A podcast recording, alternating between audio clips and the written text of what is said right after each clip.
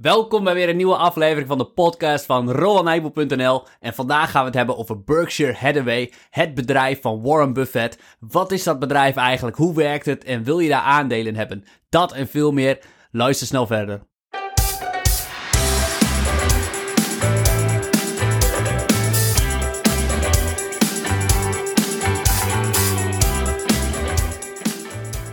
Ja, leuk dat je weer luistert. Mijn naam is Barbara. En ik ben Rowan. Ja, en Rowan, ik zie het aan je glimlach. Je vindt het een superleuk onderwerp. Ja, ik vind het fantastisch sowieso om bedrijven te bestuderen. Maar Berkshire Hathaway is natuurlijk wel een heel speciaal bedrijf. Ja, het bedrijf van je grote held Warren Buffett. Ja, is echt mijn held, mijn mentor. En niet zozeer per se omdat hij, dat ik beleggen voor een groot deel van hem geleerd heb. Maar ook vooral omdat hij zijn levenslessen deelt. Oké, nou daar, daar gaan we zo helemaal diep op in. Ik ben super benieuwd wat je ons gaat vertellen. Maar eerst hebben we een leuke aankondiging. Ja. Ja, want de afgelopen maanden zijn we bezig geweest met het membership. Dat hebben we helemaal ontwikkeld en er zijn inmiddels twee groepen gestart. Ja. En een membership is een traject waar we in 10 maanden met een groep beleggers helemaal leren beleggen. Althans, ik onder andere ook. Jij kan het Ja. al, jij Ja. begeleidt de groep. Je echt een opleiding beleggen in een groep. ja, superleuk tot zover. Ehm, maar een klein nadeel, want wij willen eigenlijk maar één keer per jaar het membership starten. Ja, het kost, het kost heel veel tijd. Het kost heel veel tijd en dat willen we in maart gaan doen. En dat betekent dat er allerlei mensen zijn die zich nu alweer aangemeld hebben voor de volgende versie, die dan helemaal moeten wachten tot maart. En om mensen die sneller bezig willen en die zeggen: Kom op, ik wil gaan, hebben we iets nieuws bedacht om jullie ook wat te kunnen bieden. Ja. En dat is het membership Do It Yourself. Dat wil zeggen dat je niet zoals bij het reguliere membership in een groep komt met gelijkgestemde beleggers, maar dat je zelf alle materialen gaat doorlopen. Dus we stellen alle materialen beschikbaar, alle theorie en de praktijkvoorbeelden, het bonusmateriaal, de e-boeken, noem het maar op. Het enige verschil is dus dat je niet in een, met een groep beleggers in een groep komt, wel in onze besloten community, waar je je vragen kan stellen en je ideeën kan uitwisselen, maar niet in een WhatsApp-groep en niet de maandelijkse webinars die we wel met de andere groepen hebben. En de coaching en de feedback van Roan zit er dan niet bij in. Maar als je nou zegt, dat vind ik helemaal prima, ik kan prima zelf studeren, geef mij die materialen maar, dan is het Do-It-Yourself membership misschien wel wat voor jou. Ja. En ik denk dat we echt samen echt super vet product gemaakt hebben. Dat de investering ook mega snel terugverdient. Want dat is wel de bedoeling. Dat je die lessen die je leert in die training toe gaat passen in de praktijk. En als je daardoor maar een 1% beter rendement haalt, ja, dan kan het al heel snel uit. Mooi gezegd. En En we gaan 1 december live, althans dat is toch de bedoeling? ja, dat is de bedoeling. Ja, oké. En degene die in december boeken, meedoen, die krijgen een korting van 150 euro. Ja, dus het lijkt ons ontzettend leuk als je dat wilt doen. En we hopen je op die manier iets beter te kunnen bedienen, omdat ja, ons jaarlijkse membership nog even op zich laat wachten.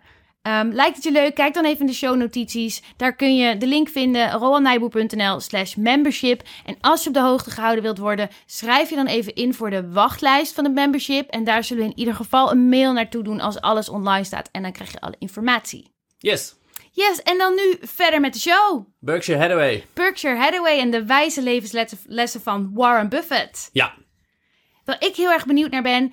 Ik ken Warren Buffett vooral als belegger. En in mijn ogen wordt hij ook heel erg vaak zo aangehaald. Maar hij heeft dus echt gewoon een super dik bedrijf onder zich. ja, hij heeft een gigantisch bedrijf. Hij is CEO van een bedrijf dat 530 miljard dollar waard is. En ik denk dat het een groot misverstand is onder mensen. Dat ze denken dat Warren Buffett alleen een belegger is. Dat hij alleen aandelen koopt in bedrijven zoals Coca-Cola en Apple. Dat is eigenlijk maar een relatief klein deel van zijn bedrijf. Het merendeel bestaat uit dat hij voor 100% eigenaar is van tientallen, honderden verschillende bedrijven die hij over de jaren heeft opgekocht. Hoeveel bedrijven zitten er in Berkshire Hathaway dan? Ja, dat weet ik niet precies, maar ik denk eh, tientallen, honderden misschien wel. Zitten er ook bedrijven in die we kennen toevallig? Eh, Een Duracell, een Dairy Queen, vooral veel Amerikaanse bedrijven. Jij kent er wel heel veel, zoals Forest Rivers of Shaw Industries of Burlington Northern Santa Fe. Oké, goed, Ja, we snappen het, Ik we weet- snappen het. Ja, het gaat, het gaat er niet om dat je al die bedrijven kent als jij eh, besluit aandelen Berkshire Hathaway te kopen. Maar dan vertrouw je voor een groot deel op de skills van Warren Buffett dat hij slimme dingen met, je, met het geld doet. Oké, maar hij voelt dus zelfs de concurrentie van de Big Four. Want jij noemt wel eens dat Amazon het voorbeeld van de Duracell-batterijtje is. Hoe ze die heel slim hebben vervangen in, de E- in hun eigen AI en hun eigen winkel voor hun eigen merk. Ja, en hij zegt wel dat de competitieve positie van merken zoals Duracell een stuk minder is geworden de afgelopen tien jaar door dit soort eh, fenomenen. Oké, nou ik vind het echt wel heel erg leuk om eens te horen. Hoe komt het nou dat Warren Buffett aan het bedrijf Berkshire Hathaway is gekomen? Ja, dat gaat heel ver terug, want Buffett is inmiddels 90 jaar. En op zijn elfde kocht hij zelfs zijn eerste aandeel. En hij had vrij snel al door, ik denk niet op zijn elfde, maar dat je, dat je drie dingen nodig had om extreem rijk te worden. En hij was gek op geld. En, maar de ene is, eh, je hebt een beetje startkapitaal nodig. Je hebt een goed rendement nodig, dat is de tweede. En de derde is, je hebt een lange horizon nodig. Nou, die lange horizon had hij, want zeker als je begint op je elfde. Maar hij had ook startkapitaal nodig. En daardoor ging hij ondernemen toen hij al heel jong was een krantenwijkje, dat is niet echt ondernemen. Maar had bijvoorbeeld ook, hij verkocht cola blikjes aan huis. En wat nog een mooi verhaal is, is dat hij flipperkasten bij cafés en restaurants ging neerzetten. En hij was zo slim, want die flipperkasten gingen vroeger heel vaak kapot doordat mensen bijvoorbeeld kauwgom of chips daarin deden. En dan functioneerden die apparaten niet meer. Er waren hele hoge reparatiekosten altijd bij. Maar hij was zo slim dat hij tegen die eigenaar van dat café zei: Jij krijgt een deel van de winst mee. Nou, wat had dat als gevolg? Dat die café-eigenaar heel goed ging letten dat die flipperkast goed behandeld werd. En daardoor waren die mega winstgevend, want die café-eigenaar ging ook nog eens zijn klanten adviseren. Ja, gooi maar wat geld in die flipperkast. en dat was hoogst ongebruikelijk in die tijd. En dat was voor Warren Buffett eigenlijk de les dat management aandelen in het eigen bedrijf moet hebben. Skin in the game. Want dan doen ze de juiste dingen voor jou. Daarom is het zo belangrijk dat ja, het management van het bedrijf waar je aandelen inkoopt, ook aandelen in zijn eigen bedrijf heeft. Mooi. En een mooie les zo jong geleerd bij hem. Ja, ja, ja, vind ik fantastisch. Hoe kom je aan zo ontzettend veel wijsheid op zo'n leeftijd? Ik weet het niet, het was wat dat betreft een wonder. Hij wist ook niet echt in zijn jeugd wat hij precies wilde doen. Maar hij is uiteindelijk eh, gaan studeren aan Columbia University. En daar is hij Benjamin Graham tegengekomen. En dat is de schrijver van het meest bekende beleggersboek aller tijden, De Intelligente Belegger.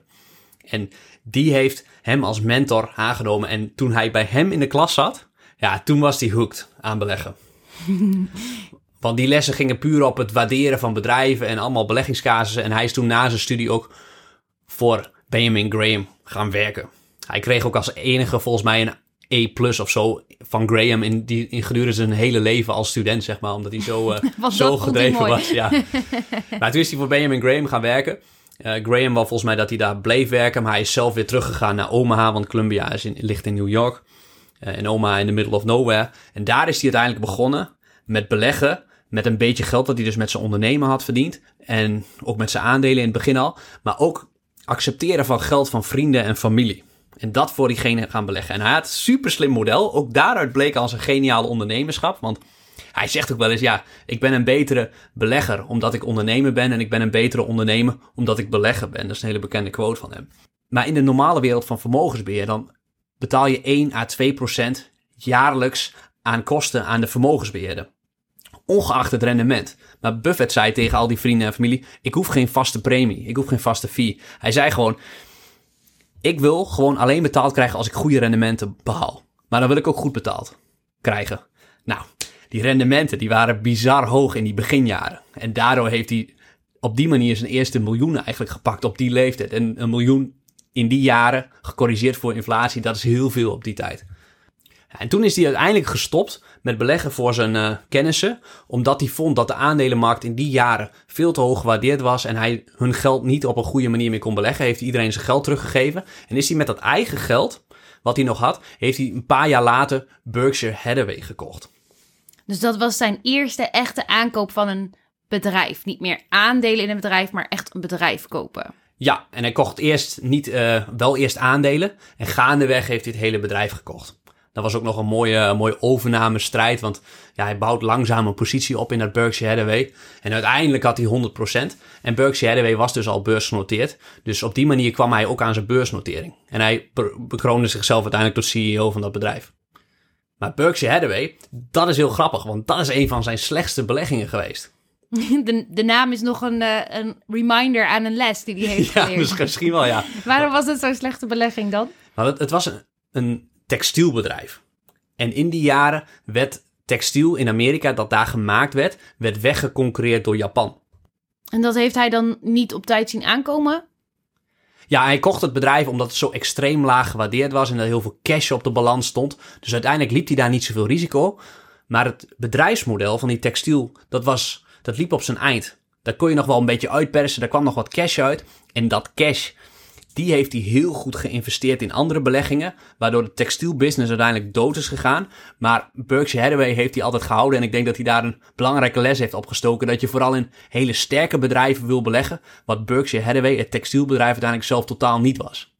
En hij heeft dus ook zijn eigen bedrijf daar echt gerund. Want hij heeft Berkshire echt gerund. Je zei hij was CEO. Ja, maar hij kwam er al vrij snel achter dat hij niet echt op de CEO-stoel wilde zitten. In de zin van dat je manager moet zijn, de werknemers aansturen. Dat vond hij helemaal niet prettig. Hij houdt eigenlijk helemaal niet van conflicten. En als CEO heb je misschien soms conflicten als je mensen moet ontslaan. Zeker in die taaie textielbusiness doen. Dat beviel hem eigenlijk helemaal niet. Dus hij wil liever een teruggetrokken leven als belegger leiden. En op die manier bepalen wat er met het geld gebeurt. Ja, eigenlijk, hij investeert dus. Ehm, Zit er een verschil tussen dat je investeerder bent of dat je belegger bent?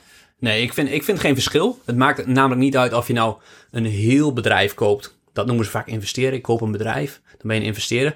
Maar als je één aandeel in een bedrijf koopt, vind ik je ook een investeerder. Je koopt gewoon alleen een deel van een bedrijf. Nou, in Amerika heet het gewoon allemaal value investing. Investing heet het. In Nederland hebben we het woord beleggen ervoor bedrag. Ja, dat is nou eenmaal zo. Dat, zo is dat ontstaan, denk ik. Ik weet niet hoe het ontstaan is. Oké, dus zijn eerste bedrijf en nu nog steeds de naam van zijn beursnotering is ook een eh, wijze lesvorm geweest. Ja, dat denk ik wel, ja. Oké, en daarna, hoe ging het dan verder? Ja, toen, toen ging die uh, gaandeweg uh, heel Amerika opkopen. Laat ik het maar zo zeggen. heel veel belangen in bedrijven, elke keer beursgenoteerde bedrijven, maar soms ook, en dat heeft zijn voorkeur, namelijk het hele bedrijf. 100% deelneming. Dat heeft zijn voorkeur? Ja, van een Duracell bijvoorbeeld, wat ik al noemde. Uh, waarom heeft dat zijn voorkeur? Omdat je dan controle hebt. Als je 100% hebt, ben je de baas van het bedrijf. Maar hij wil de baas niet zijn. Nee, hij wil de baas niet zijn, maar hij weet heel goed, hij heeft heel veel mensenkennis om de juiste baas op het bedrijf te zetten. Oké. Okay. En die geeft hij de goede beloningen mee, dus de goede incentives, dat die het juiste met het geld doen en slimme dingen doen. En die laat hij verder vrij. En die hoeft dan maar één keer per jaar een verslag te horen. En verder laat hij ze vrij en dan krijgen ze betaald als ze het ook heel goed doen natuurlijk. Dat heeft hij wel slim geregeld. Ik vond het zo leuk, want twee weken geleden noemden we Berkshire ook al vanwege de aandeelhoudersbrieven. Die kun je vinden op onze blog, op de website.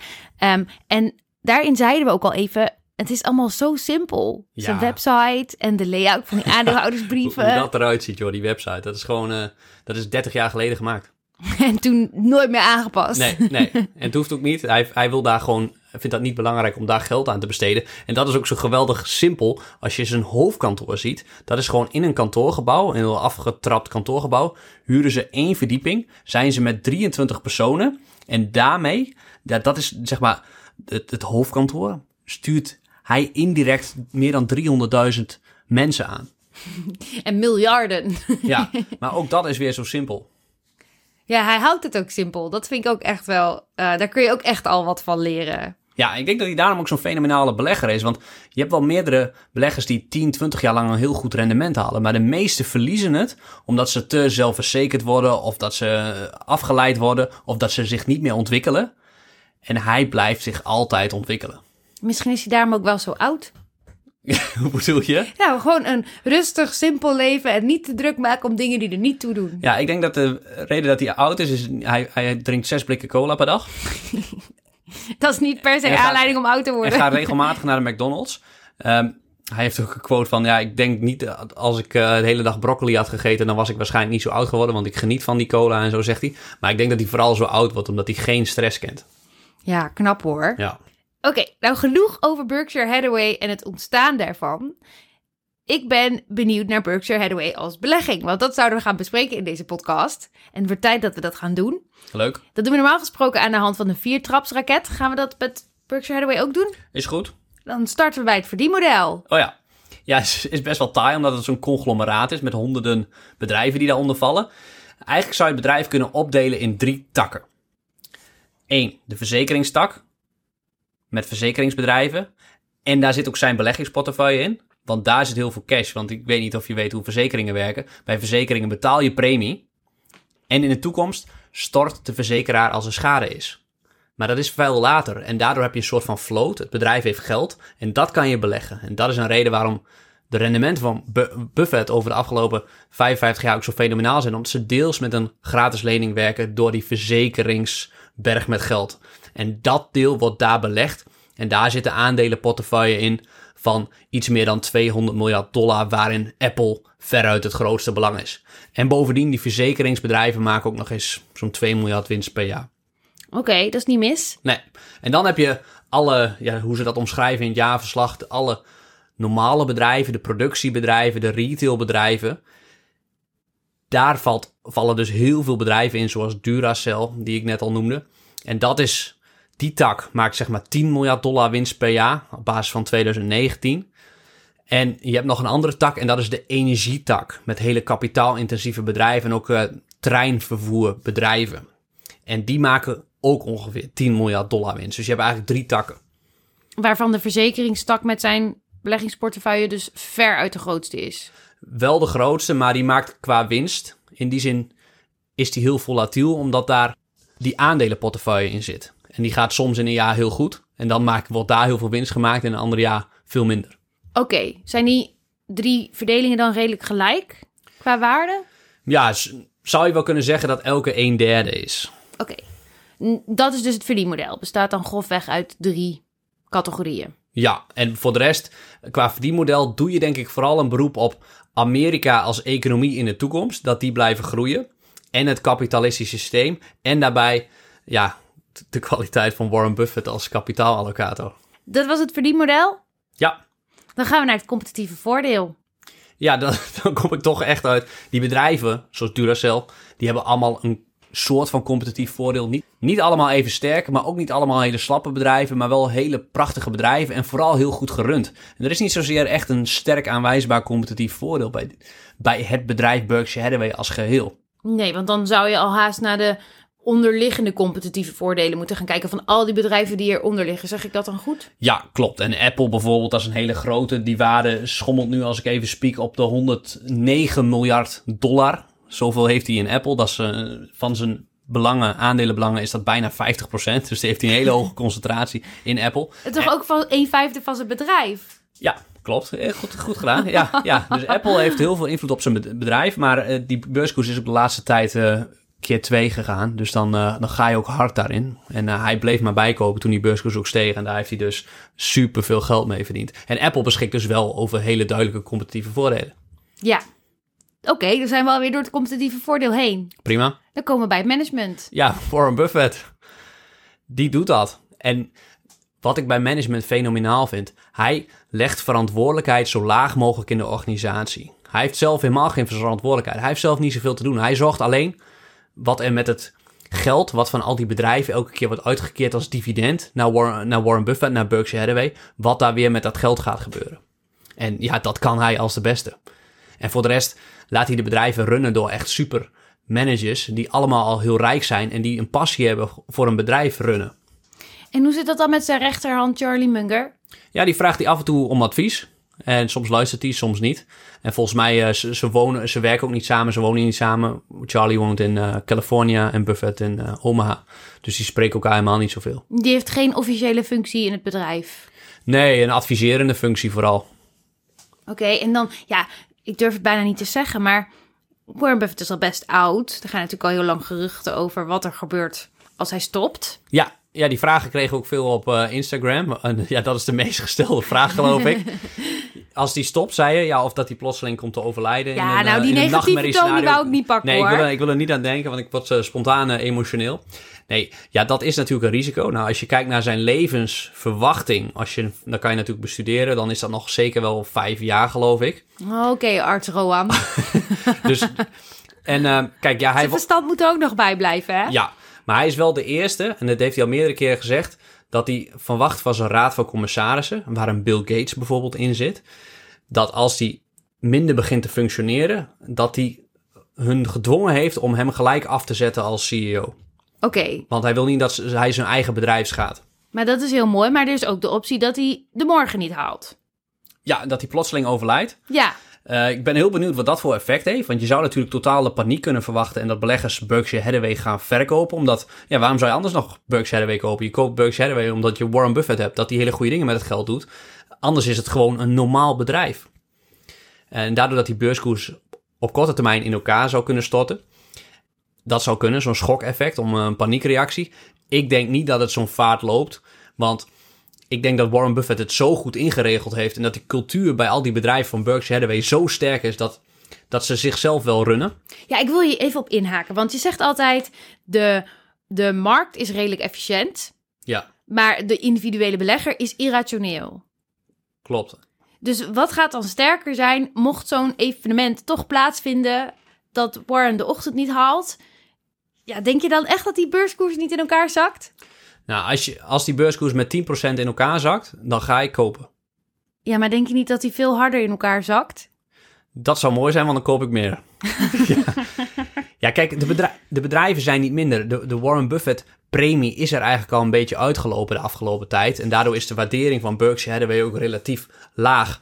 Omdat hij eigenlijk de afgelopen tien jaar al niet meer de markt verslaat. En in die zin is het ook onmogelijk, omdat hij dus zo groot is. En in die zin zou je ook, als je Berkshire Hathaway zou kopen, zou je kunnen zien als een ETF. Als een indexfonds. Omdat hij zo gespreid is. En ik denk wel dat Berkshire Hathaway, als ik tien jaar vooruit kijk, dat hij de, een index gaat verslaan.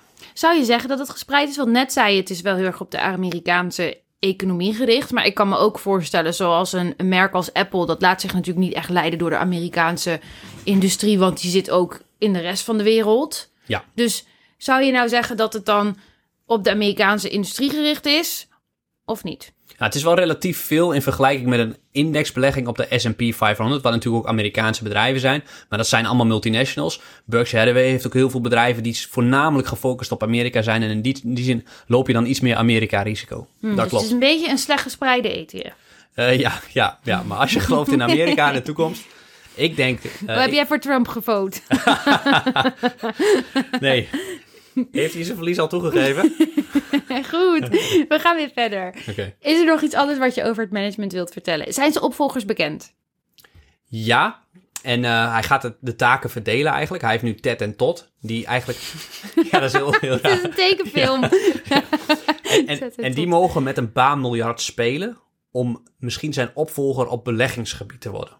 Dus die kopen Dat is nu aan de gang. Ja, dus soms zie je ook bij die supergoeroes die aankopen van Warren Buffett en dat hij in eh Barrick Gold is gestapt of zo. En vaak zijn dat dan hele kleine belangen. En dan weet je, oh, dat is door een van zijn adjudanten gedaan. Die mogen snuffelen, die mogen met het kleine geld spelen. Alhoewel, die krijgen ieders geloof ik 10 miljard om mee eh, te beleggen en daarmee goede rendementen te behalen. En eigenlijk zeg je dan dus, hè, Warren Buffett's hele bedrijf is te groot. En zij hebben dus de kans om weer met van die kleinere bedragen te spelen. Ja, en zij moeten dus ook laten zien dat ze de index kunnen verslaan. Met, met dat kleine geld. Oké, nou, succes. Ja. en Todd. Ja, maar het is voor de rest een heel goed bewaard geheim wie dan echt CEO gaat worden. En eh, dat, misschien, dat is misschien Ajit Jain, als ik er misschien op moet gokken. Wie is dat? Ja, dat is de baas van de verzekeringstak. Oké, maar die gaat dan meer het bedrijf aansturen en niet de beleggingen. Dus dan gaat hij die taak, die rol gaat hij splitsen die hij nu heeft. Hij doet beide. Maar dan krijg je een aparte CEO die echt voor de bedrijfsmanagement gaat en een aparte beleggings. Exact, exact. Ted en Todd. Ted en Ik Todd. kan er niet over uit. Hoe vind je ze? Oké, oké. Dan komen we alweer bij de financiën aan. Ja.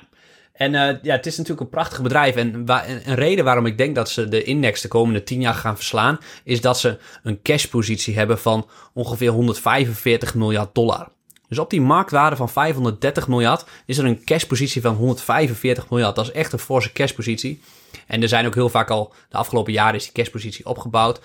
vragen van beleggers: waarom zet je dat niet aan het werk? Waarom koop je niet andere bedrijven? Waarom ga je geen aandelen inkopen? Waarom ga je geen dividenden uitbetalen? Want ze hebben nog nooit dividenden zelf uitbetaald bijvoorbeeld. En dat was een hele goede beslissing natuurlijk de afgelopen 50 jaar. Maar de vraag is in de toekomst, moeten ze niet de dividend gaan uitbetalen?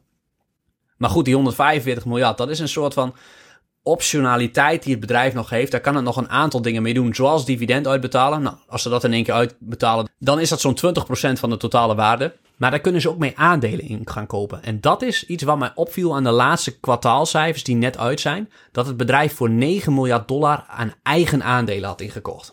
En dat is echt een totaal nieuw record. Dat is meer dan in heel 2019.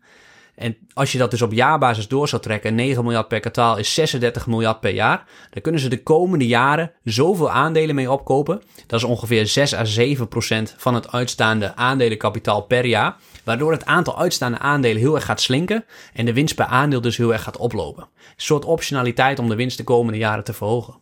Het klinkt alsof je enthousiast bent. En je zei net ook een soort van tussen neus en lippen door. Ik denk dat ze de markt gaan verslaan en toen ging je verder. Ja, Maar hoor ik daar dan dat je eigenlijk zegt dat het wel een interessante belegging is? Ja, kijk het, kijk, het probleem is dat alles is nu duur. Dus ik was enthousiaster in de coronacrisis. Want dan met die cash, dan dacht ik, oké, het wordt nu een crisis. Kunnen ze dat geld goed aan het werk zetten om andere bedrijven op te kopen? Maar dat hebben ze niet gedaan. Het is te snel aan hun neus voorbij gegaan. Ze zijn daar misschien te voorzichtig geweest. Dus in die zin ben ik minder positief dan nu. Nu alles weer duur is, kunnen ze dat geld ook minder rendabel aan het werk zetten. Dat is nou eenmaal zo. Maar ik denk wel dat ze de markt gaan verslaan, maar misschien maar met 1 of 2 procent per jaar de komende 10 jaar. Dat zal al heel goed zijn. En ja, ik, ik wil eigenlijk iets meer rendement. Ja, jij denkt dat je geld ergens anders nog weer beter besteed is. Ja, maar ik denk wel dat het een hele goede belegging gaat zijn, want alles is duur. En in Berkshire Hathaway heb je wel een soort van veiligheid. Mocht er weer een crash aankomen omdat alles zo duur is, hebben zij die cashpositie en kunnen zij daar juist van zo'n crisis profiteren. En dan op de lange termijn profiteer je mee. Ja, zeker, zeker. Want zij kopen dan laag, dus dan moet je wel blijven zitten. Want Ja. dan kun je die stijging die zij dan gaan pakken, kun je ook meepakken. Dus Klopt. dan heb je het echt wel over een langere horizon. Ja, en eh, ja, de vraag is hoe lang eh, we nog hebben bij Berkshire Hathaway. Hoe bedoel je? Ja, als, als, als, als Warren Buffett stopt. Je maakt iedereen nog aan het huilen die naar onze podcast luistert en fan is. Nee, volgens mij, eh, hij, wordt, hij wordt het ouder, maar volgens mij is hij nog hartstikke scherp. Hij is wel wat minder in de media trouwens. We gaan verder. Ja. Ja, We gaan naar de waardering. ja als je kijkt naar de marktwaarde van eh, Berkshire Hathaway is 530 miljard.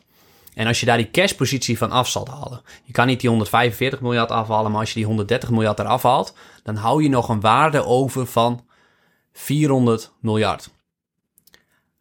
En daar zitten dan al die operationele bedrijven in. Je kan de beleggingen er nog afhalen ter waarde van ongeveer 200 miljard. En dan hou je 200 miljard maar over. En die operationele bedrijven die in Berkshire zitten, die maken ook zo'n 20, 22 miljard dollar winst op een prijs van 200 miljard. Ja, en dat is dan een koers-winstverhouding van, van maar 10. Dat is niet per se duur, ook niet goedkoop, maar meer een gemiddeld bedrijf die de markt denk ik op, voor de komende 10 jaar dus net een beetje kan verslaan. Ik En- wil eigenlijk dat je zegt, het is een redelijke belegging. Ja, ja. Kijk, het is geen. eh, we hebben het over multibaggers gehad, hè? Dat was, eh, dat was een leuke aflevering. Ja. Aandelen die keer Veel 10 gaan of keer ook. 100. Ja, dat is toch wel. Allemaal mensen die een multibagger denken te hebben ja, gevonden. ja, heel dat veel reacties gehad. Ja, ja. Ja, En en, het eh, eigenlijk in de gaten houden, hè, of dat eh, gaat lukken. ja, ja, en, en Berkshire Hathaway is alles behalve een multibagger. Daar kan je de komende 10 jaar, als ik een inschatting moet doen, mag je daar 10% gemiddeld per jaar verwachten. Ga je ook op zoek naar een multibagger? Als iemand een multibagger weet, dan... eh, ja, ik ben altijd op zoek naar multibaggers. ja, dat is het mooiste wat er is. Dan hoef je de rest van je portefeuille... toe- hoeft helemaal niet zo goed te gaan als je één multibagger vindt. Maar dat is dit bedrijf dus niet, want met 530 miljard aan marktwaarde... om dan nog een keer 10 te gaan, ja, dat gaat niet gebeuren. Oké. Nou, ik vraag ook altijd even, heb je zelf aandelen Berkshire Hathaway? Ik heb, ik heb één B-aandeel. Omdat ik naar die aandeelhoudersvergadering in Omaha ben geweest. En dan moet je een aandeel hebben, om anders word je niet toegelaten op die aandeelhoudersvergadering. Een B-aandeel kost overigens eh 230 euro, eh, dollar. En je hebt ook A-aandelen. Weet je hoeveel die kosten? Nou, geen 230 dollar denk ik dan. Nee, dat zijn de originele Berkshire Hathaway aandelen die toen aan het begin eh, bestonden. 350.000 dollar voor één A-aandeel. Oh mijn god. Ja joh, dat is, echt, uh, dat is echt bizar. Voor één aandeel. Ze zijn nooit gesplitst. Soms zie je dat aandelen gesplitst worden. Tesla heeft het recent gedaan. Apple heeft het recent gedaan. Om de verhandelbaarheid te vergroten. Ja, dat snap ik, want er zijn niet veel mensen die 350.000 dollar op de plank hebben liggen. Nee, nee dus dat, uh, ja, Buffett wil dat niet. Die wilde dat eerst nooit. Hij heeft dat in de jaren 90 gedaan, uh, die, die B-aandelen, omdat de, toen hij bedrijf overnam, geloof ik, uh, was dat zo. Althans, dat las ik in een biografie. maar hij wil liever niet splitsen, want hij wil aandeelhouders die zich voor de lange termijn aan het bedrijf binden. En als je lagere aandelenkoers hebt, krijg je meer speculanten die zich binden. En hij wil degene die ook belangen hebben voor de lange termijn. Mooie filosofie. Maar je praat nu heel gewoon over A- en B-aandelen. Ja. Maar ja, als je wat minder van beleggen weet, zoals ik, dan is niet bekend wat een B- en een A-aandeel is. Uit je verhaal vermoed ik dat een B-aandeel dus later is uitgegeven op een ander moment. Ja, in de jaren 90 geloof ik. En, eigenlijk is mijn vraag, wat is een A-aandeel en wat is een B-aandeel in het algemeen? Nou, soms heeft het met stemrecht te maken, dat er op A-aandelen stemrecht zit, dat je de baas bent. Zo heeft Mark Zuckerberg bij Facebook niet het merendeel van de aandelen, maar wel het merendeel van het stemrecht. Dus is hij de baas. En uh, bij Berkshire Hathaway is dat ook zoiets. Ik weet niet precies hoe het zit, maar Warren Buffett heeft veel meer stemrecht dan dat hij zelf aan aandelen bezit in het bedrijf. Hij heeft zelf maar 16% geloof ik in het eigen bedrijf. Oké. Okay. Nou, hebben we ook nog op de valreep iets geleerd over A- en B-aandelen. Maakt het uit als je gaat beleggen of je een A- of een B-aandeel koopt? Nou ja, wel als je geen 350.000 euro hebt, dan is het wel handig, uh, want dan kan je geen A-aandeel kopen. Oké, okay, maar als je dus op de beurs een aandeel wil kopen en je ziet dat er een A- en een B-aandeel is, dan maakt het niet uit welke je koopt over het algemeen. Nee, meestal maakt het niet uit, want meestal heb je als kleine aandeelhouder toch geen uh, stemrecht, dus dan maakt het niet zoveel uit welke je dan hebt. En dan uh, is er dan tot slot nog iets wat je wilt toevoegen? Nou ja, ik vind dat er altijd best wel veel kritiek op Buffett is. En hij heeft elke keer weer gelijk gekregen. In de dotcom-bubbel hebben, hebben wij niet actief meegemaakt. Zei iedereen tegen hem, ja, je moet in de internetaandelen gaan beleggen. Hij heeft als enige gezegd, nee, dat doe ik niet. En werd helemaal uitgelachen door de hele investeringswereld. Hij stond op magazines met dat hij het verloren heeft. In de jaren 60 is hij ook een keer aan de zijlijn gaan staan toen er ook een uh, bubbel ontstond. En net voor de financiële crisis is hij ook met financiële aandelen heeft hij voor de tijd verkocht. En toen werd hij ook eigenlijk een beetje gek verklaard. En in corona is hij in die zin ook wel een beetje voor gek verklaard. Omdat hij al heel lang, of dat speelde eigenlijk al voor corona, dat hij die cashpositie niet aan het werk zet. Want hij vindt gewoon aandelen heel erg duur, waardoor hij dat niet aan het werk zet en daar gewoon heel voorzichtig mee is. Ik denk gewoon dat hij, hij gaat zo tegen de massa in. Hij volgt daarin zo zijn eigen mening. En soms sta je dan gewoon even voor lul. En hij heeft nooit gekozen voor snelle rijkdom. En de mens heeft als wens om snel rijk te worden. Niemand wil langzaam rijk worden. En daarom wordt hij soms ook verguisd, omdat hij dus niet meespringt op die trends, die hypes, om snel geld te verdienen. Daarom leent hij bijvoorbeeld ook heel weinig om te beleggen, terwijl er heel veel bedrijven heel veel geld lenen en dan aandelen gaan inkopen en allemaal financiële dingen gaan doen, wat heel dom is. En dat is ook met corona. Hij heeft zijn geld niet aan het werk gezet, omdat hij kosten wat kost wilde voorkomen dat zijn bedrijf failliet gaat. Want uh, heel veel keer nul is nog steeds nul, zegt hij altijd. En daarom is hij risicomijdend tot in het extreme. En daardoor heeft hij heel vaak hele rendementen ook laten liggen. Maar dat is denk ik op de lange termijn hebben beleggers, althans Berkshire Hathaway, daar mega van geprofiteerd. Ja, en wat ik ook fantastisch vind, is dat hij een heel groot deel van zijn vermogen, hij heeft inmiddels al 30 miljard weggegeven. En de rest gaat allemaal weggegeven worden. Dat zijn kinderen krijgen een goede start in het leven. Maar voor de rest geeft hij alles gewoon weg aan goede doelen. Ja, hij geeft helemaal niet om geld. Dat vind ik het fascinerende. Op het begin was hij wel gek op geld, maar hij, vindt het, hij ziet het gewoon als speelgoed. Hij ziet het als chips. Hij wil het gewoon verzamelen, maar hij geeft totaal niet om materiële dingen. Hij vindt het spel gewoon leuk en dat vind ik zo fascinerend. En dat zijn denk ik ook de allerbeste beleggers die, die geïnteresseerd zijn in beleggen. Hoe mooi dat is. ik herinner me dat je naar die aandeelhoudersvergadering was geweest van Berkshire Hathaway en dat je ook als een stalker naar zijn huis was gegaan. Ja. Maar dat je wel vertelt hoe, ja, hoe simpel dat huis eigenlijk gewoon is. Ja, heel simpel huis heeft hij 60 jaar geleden gekocht. En hij rijdt nog steeds in een tweedehands auto die hij geloof ik 30 jaar geleden heeft gekocht. En rijdt gewoon zelf elke ochtend naar het werk. Heeft het prachtige leven. Wel fascinerend. Het is waarschijnlijk ooit begonnen met een drang wel naar rijkdom. Ja. Maar toen het er was, deed het er niet meer toe. Nee, ja, en het is natuurlijk ook makkelijk, hè. Van, wat moet je als je heel rijk bent? Wat, wat moet je dan nog met geld? Dan kun je alleen nog, nog een laag hoger gaan door het te gaan weg te geven. Dat is misschien ook een reden waarom alle miljardairs dat nu gaan doen. Dat vind ik een hele mooie afsluiter voor deze podcast. Cool. Is het alweer afgelopen? Het is alweer afgelopen, helaas. Oké, oké. Bedankt voor het luisteren. En tot de En tot de volgende volgende keer. keer. Doeg! Doeg!